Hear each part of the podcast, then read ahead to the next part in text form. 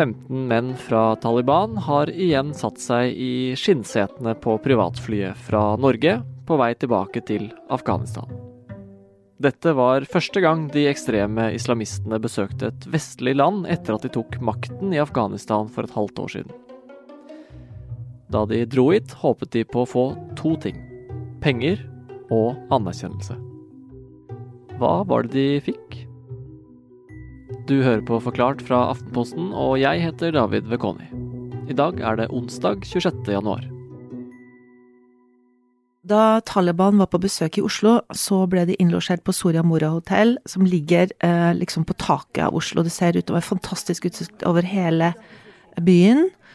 Uh, omgitt av uh, grantrær og skiløyper. Aftenposten-journalist Olga Stokke har, som Taliban-representanter og de som møtte dem, tilbrakt de siste dagene blant granbar og skiløyper på hotellet i Holmenkollen. Uh, salam Kabul, ey shahr shulugh marg. Salam Kabul, ey shahr shulugh marg. Anduh bi saranjam. En av dem hun møtte, var Hoda Kamosh en afghansk kvinneaktivist og poet. Hun er 25 år, en representant for det, denne generasjonen med unge afghanere som har fått smake litt på at det skulle bli litt friere og litt mer likestilling og litt mer menneskerettigheter. Eh, men som nå er blitt eh, plassert i en situasjon som eh, de syns er helt forferdelig, hvor kvinner og menneskerettighetsforkjempere og journalister blir arrestert.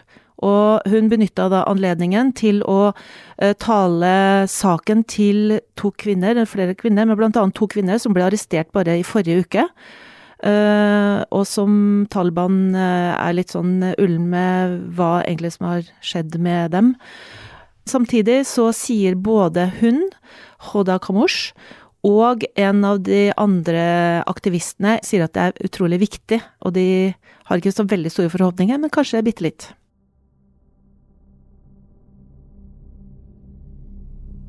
For landene både Hoda og Taliban har dratt fra, er i krise. Det vet Tor Arne Andreassen, som var i Afghanistan for Aftenposten rett etter at Taliban tok over i fjor høst. Ja, det er jo en eh, prekær uh, humanitær situasjon i Afghanistan. Det så vi allerede begynnelsen på i uh, september, da vi var der. Pengestrømmen inn til Afghanistan har stoppet helt fullstendig opp. Veldig mange uh, hadde ikke noe, lenger noe jobb å gå til. og Eh, vi så etter hvert da at eh, folk eh, fikk mindre og mindre mat. Det kom svært utsultede barn til sykehusene. Og den situasjonen har forverret seg veldig i løpet av de månedene som har gått. FN advarer jo nå om at nesten alle som bor der, risikerer å sulte i løpet av denne vinteren. Det er jo også samtidig en eh, vanskelig eh, menneskerettighetssituasjon i Afghanistan. Taliban har jo ikke holdt løftene sine om å ha et inkluderende regime og respektere menneskerettigheter. Det vi tvert imot ser, er at eh, eh F.eks. kvinner som eh, demonstrerer for sine rettigheter, de blir møtt med vold, med trusler, med skyting opp i lufta, de blir pågrepet osv. Så, videre. så eh, Eh, kvinner og minoriteter i Afghanistan har eh, overhodet ingen grunn til å være fornøyd, og den eh, vestlige verden prøver jo da å presse Taliban til å endre på dette. Og en av de måtene var å invitere Taliban til Norge. Grunnen til at jeg kom til akkurat Norge, det er fordi at Norge i 15 år kanskje har hatt har gjort forsøk på å komme i dialog med Taliban. Eh, Norge så jo eh, ganske tidlig at eh, den krigen som pågikk i Afghanistan, den var det ingen ende på. Man lå an til å få en evig krig. Og man gikk da i dialog med Taliban. Det har foregått både i Afghanistan, i nabolandene og i Norge. De har vært invitert til Norge flere ganger, også under eh, den forrige regjeringen, der Høyre og Fremskrittspartiet jo var de dominerende kreftene. Så dette er overhodet ikke noe nytt da, at vi er i samtale med Taliban. Eh, det som jo kanskje er mer nytt, er at denne gangen har det skjedd litt mye mer åpent, og at vi, verden vet om det mens møtene foregår. Og så er det også måten de kom seg hit på som har blitt eh, snakket en del eh, om. Hvordan reiste de? Eh, denne Taliban-delegasjonen eh, de ble jo hentet med et, en privatjet som Norge hadde leid for 3,5 millioner kroner. Og det er jo eh, mange som har reagert på at eh, ok, dette var et luksusfly, de satt der i skinnseter osv. Men altså, dette er jo bare sånn denne typen fly er. Jeg har selv sittet i slike fly sammen med statsministeren eller utenriksministeren når de har foretatt reiser hvor de har vært avhengig av fly på den måten. Det er bare rett og slett sånn disse privatflyene er. Og man kan jo også se for seg at eh, det ville vært umulig for Taliban om de skulle leid et sånt fly på egen hånd. For det første så har de jo dårlig med penger, men for det andre så tror jeg ikke noe utleieselskap ville leid ut et sånt privatjet til Taliban. De ville rett og slett bare kastet på røret. Men det er jo ikke akkurat noe billig fly de har leid, da? Eh, denne flyreisen har jo da kostet 3,5 millioner kroner av et samlet budsjett på 7 millioner kroner for dette eh, evenementet. Og eh, Eh, jeg tror det er vel sånn at eh, denne freds- og forsoningsavdelingen i eh, UD de har et budsjett i år på 420 millioner kroner. og jeg tenker nok at de i UD vil si at dette er vel anvendte penger. Både fordi at man kanskje har bidratt til noe i Afghanistan, men ikke, for, ikke minst fordi at Norge får veldig mye oppmerksomhet. Men det har så klart ikke bare handlet om pengene det kostet å få Taliban hit. Det var også demonstrasjoner både før og under besøket mot at de i det hele tatt skulle få tale sin sak ved langbord med kaffekopper i fred og ro med utsikt over Oslo. Og det handlet vel så mye om hvem som satt i det flyet, og hva de hadde gjort. Tor Arne, eh, det at Taliban har vært i Norge nå, har jo også blitt kobla til noe som skjedde eh, for 14 år siden, da du var i Kabul, på Serena hotell, sammen med Jonas Gahr Støre, eh, utenriksminister på det tidspunktet, og flere andre. Hva var det som skjedde da? Angrepet på Serena hotell i Kabul skjedde i januar 2008. Jeg var jo selv til stede der. Skulle egentlig vært nede i lobbyen sammen med flere andre journalister. Men jeg var fremdeles på rommet da jeg hørte et skyting utenfor. Eh, da jeg kikket ut av vinduet, så kunne jeg se at eh, de vaktene som var ved porten, gjemte seg bak en vegg, mens vinduet rett over hodet på dem det ble skutt ut av kulene fra de angripende terroristene. Og eh, litt senere så kom det en voldsom eksplosjon vegg i vegg med der mitt rom var. Det var altså da en av, eh, en av disse terroristene som sprengte sin eh, selvmordsvest. En uh, svært kraftig eksplosjon som gjorde at jeg liksom falt ned på bakken, og murpuss ble liksom blåst ut av veggene. Og like etter det igjen så hørte jeg da skyting inne på, inne på hotellet. Og eh, da jeg litt seinere kom ned i lobbyområdet, så så jeg jo da at eh, Dagbladet-journalisten eh, Karsten Thomassen lå der sterkt skada, skutt av en av terroristene. Mens da norske journalister som var med i delegasjonen, de hadde kommet ned der og forsøkt å, å gi ham førstehjelp. Og det tok jo dessverre altfor lang tid å få Karsten Thomassen ut og på sykehus. Så da han kom eh, til, endelig kom til et sykehus, så døde han på operasjonsbordet der. Angrepet på Serena hotell den dagen har blitt koblet til Haqqani-nettverket i Afghanistan.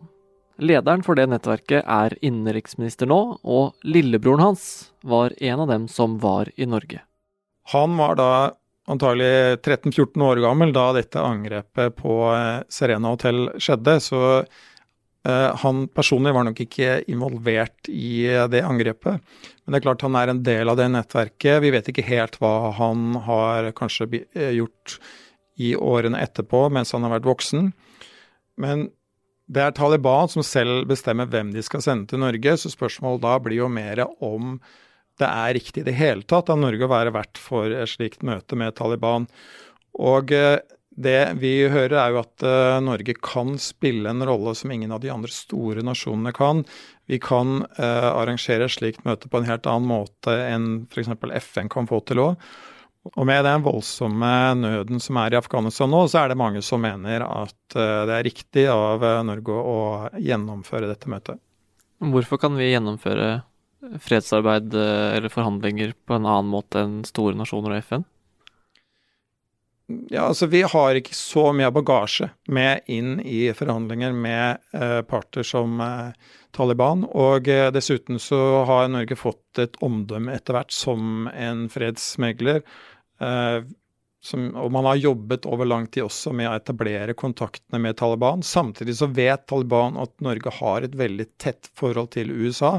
Alt Norge gjør, det blir på en måte godkjent av amerikanerne. så Derfor så er det veldig interessant for Taliban å være i dialog med amerikanerne via Norge. Så kritikken mot at Taliban kom til Norge, både før besøket begynte og mens det pågikk, har handlet om flere ting. Den dyre reisen, hvem som var med i delegasjonen, men mest av alt om hva Taliban står for. De har innført strenge regler som gjør at kvinner har blitt presset ut av jobbene sine, at de ikke kan reise uten mannlig følge, og at jenter over tolv år ikke får gå på skole. I tillegg blir minoriteter forfulgt, og pressefrihet finnes så å si ikke. Og det strenge regimet gjør også at mange land holder igjen mye humanitær hjelp og store pengesummer. Dermed blir den humanitære krisen bare verre og verre.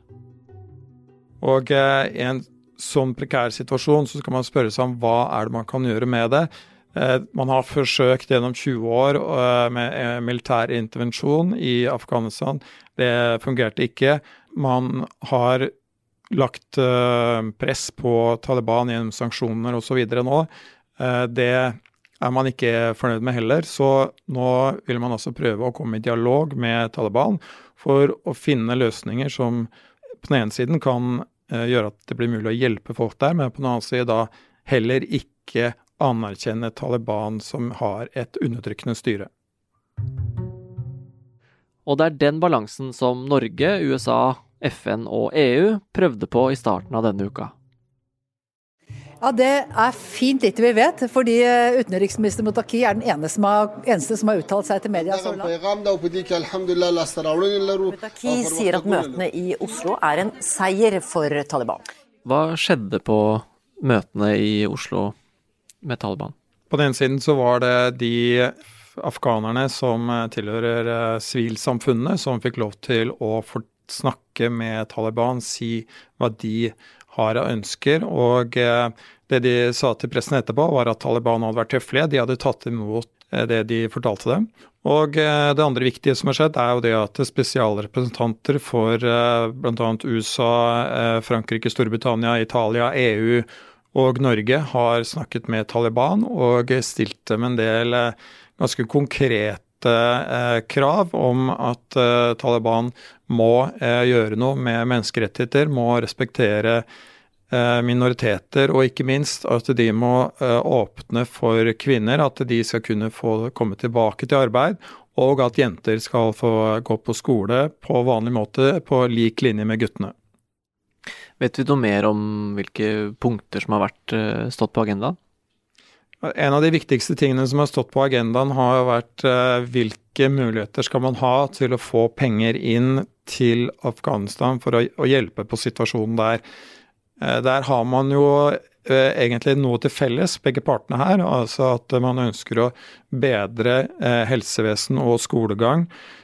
Problemet til nå har vært hvordan man skal få de pengene inn uten at man samtidig skal gå på tvers av sanksjoner osv. Og det kan godt hende at man der nå har kommet mye nærmere en løsning på de problemene. Da møtene gikk mot slutten i går, møtte Talibans talsmann pressen og sa at gruppa var glad for å få en arena å diskutere på. Uh, uh,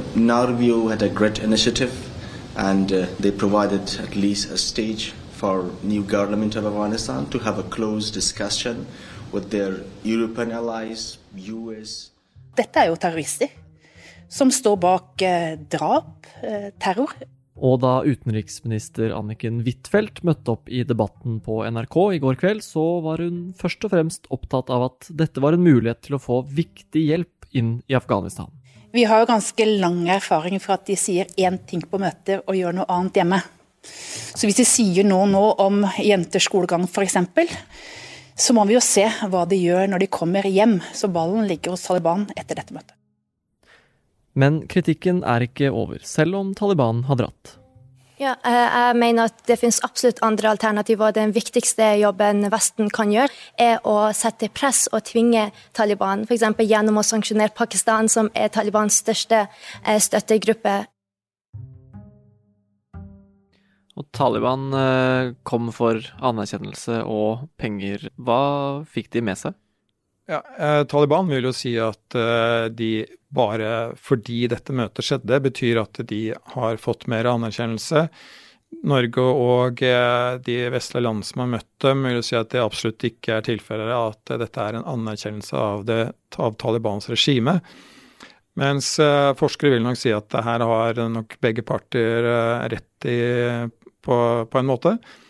Eh, når det gjelder eh, pengebiten, så er det litt tror jeg det sitter langt inne at de skal få frigitt disse bortimot 90 milliarder kroner som har vært fryst eh, siden august i fjor.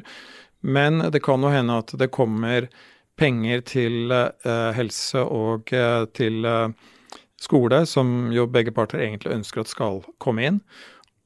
så kan man jo da håpe at dette styrker sivilsamfunnet i Afghanistan. De har kunnet få snakke med Taliban på en kanskje mer ålreit måte enn det de ellers ville fått. Og så kan vi jo håpe at uh, det kommer nok penger inn til Afghanistan nå, slik at man kan avverge den uh, sultkatastrofen som ellers kan komme til å skje.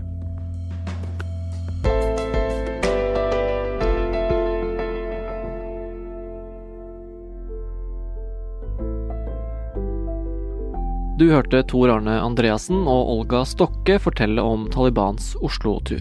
Takk også til kollega Afshin Ismaili. Lyden du har hørt er fra NRK og VGTV.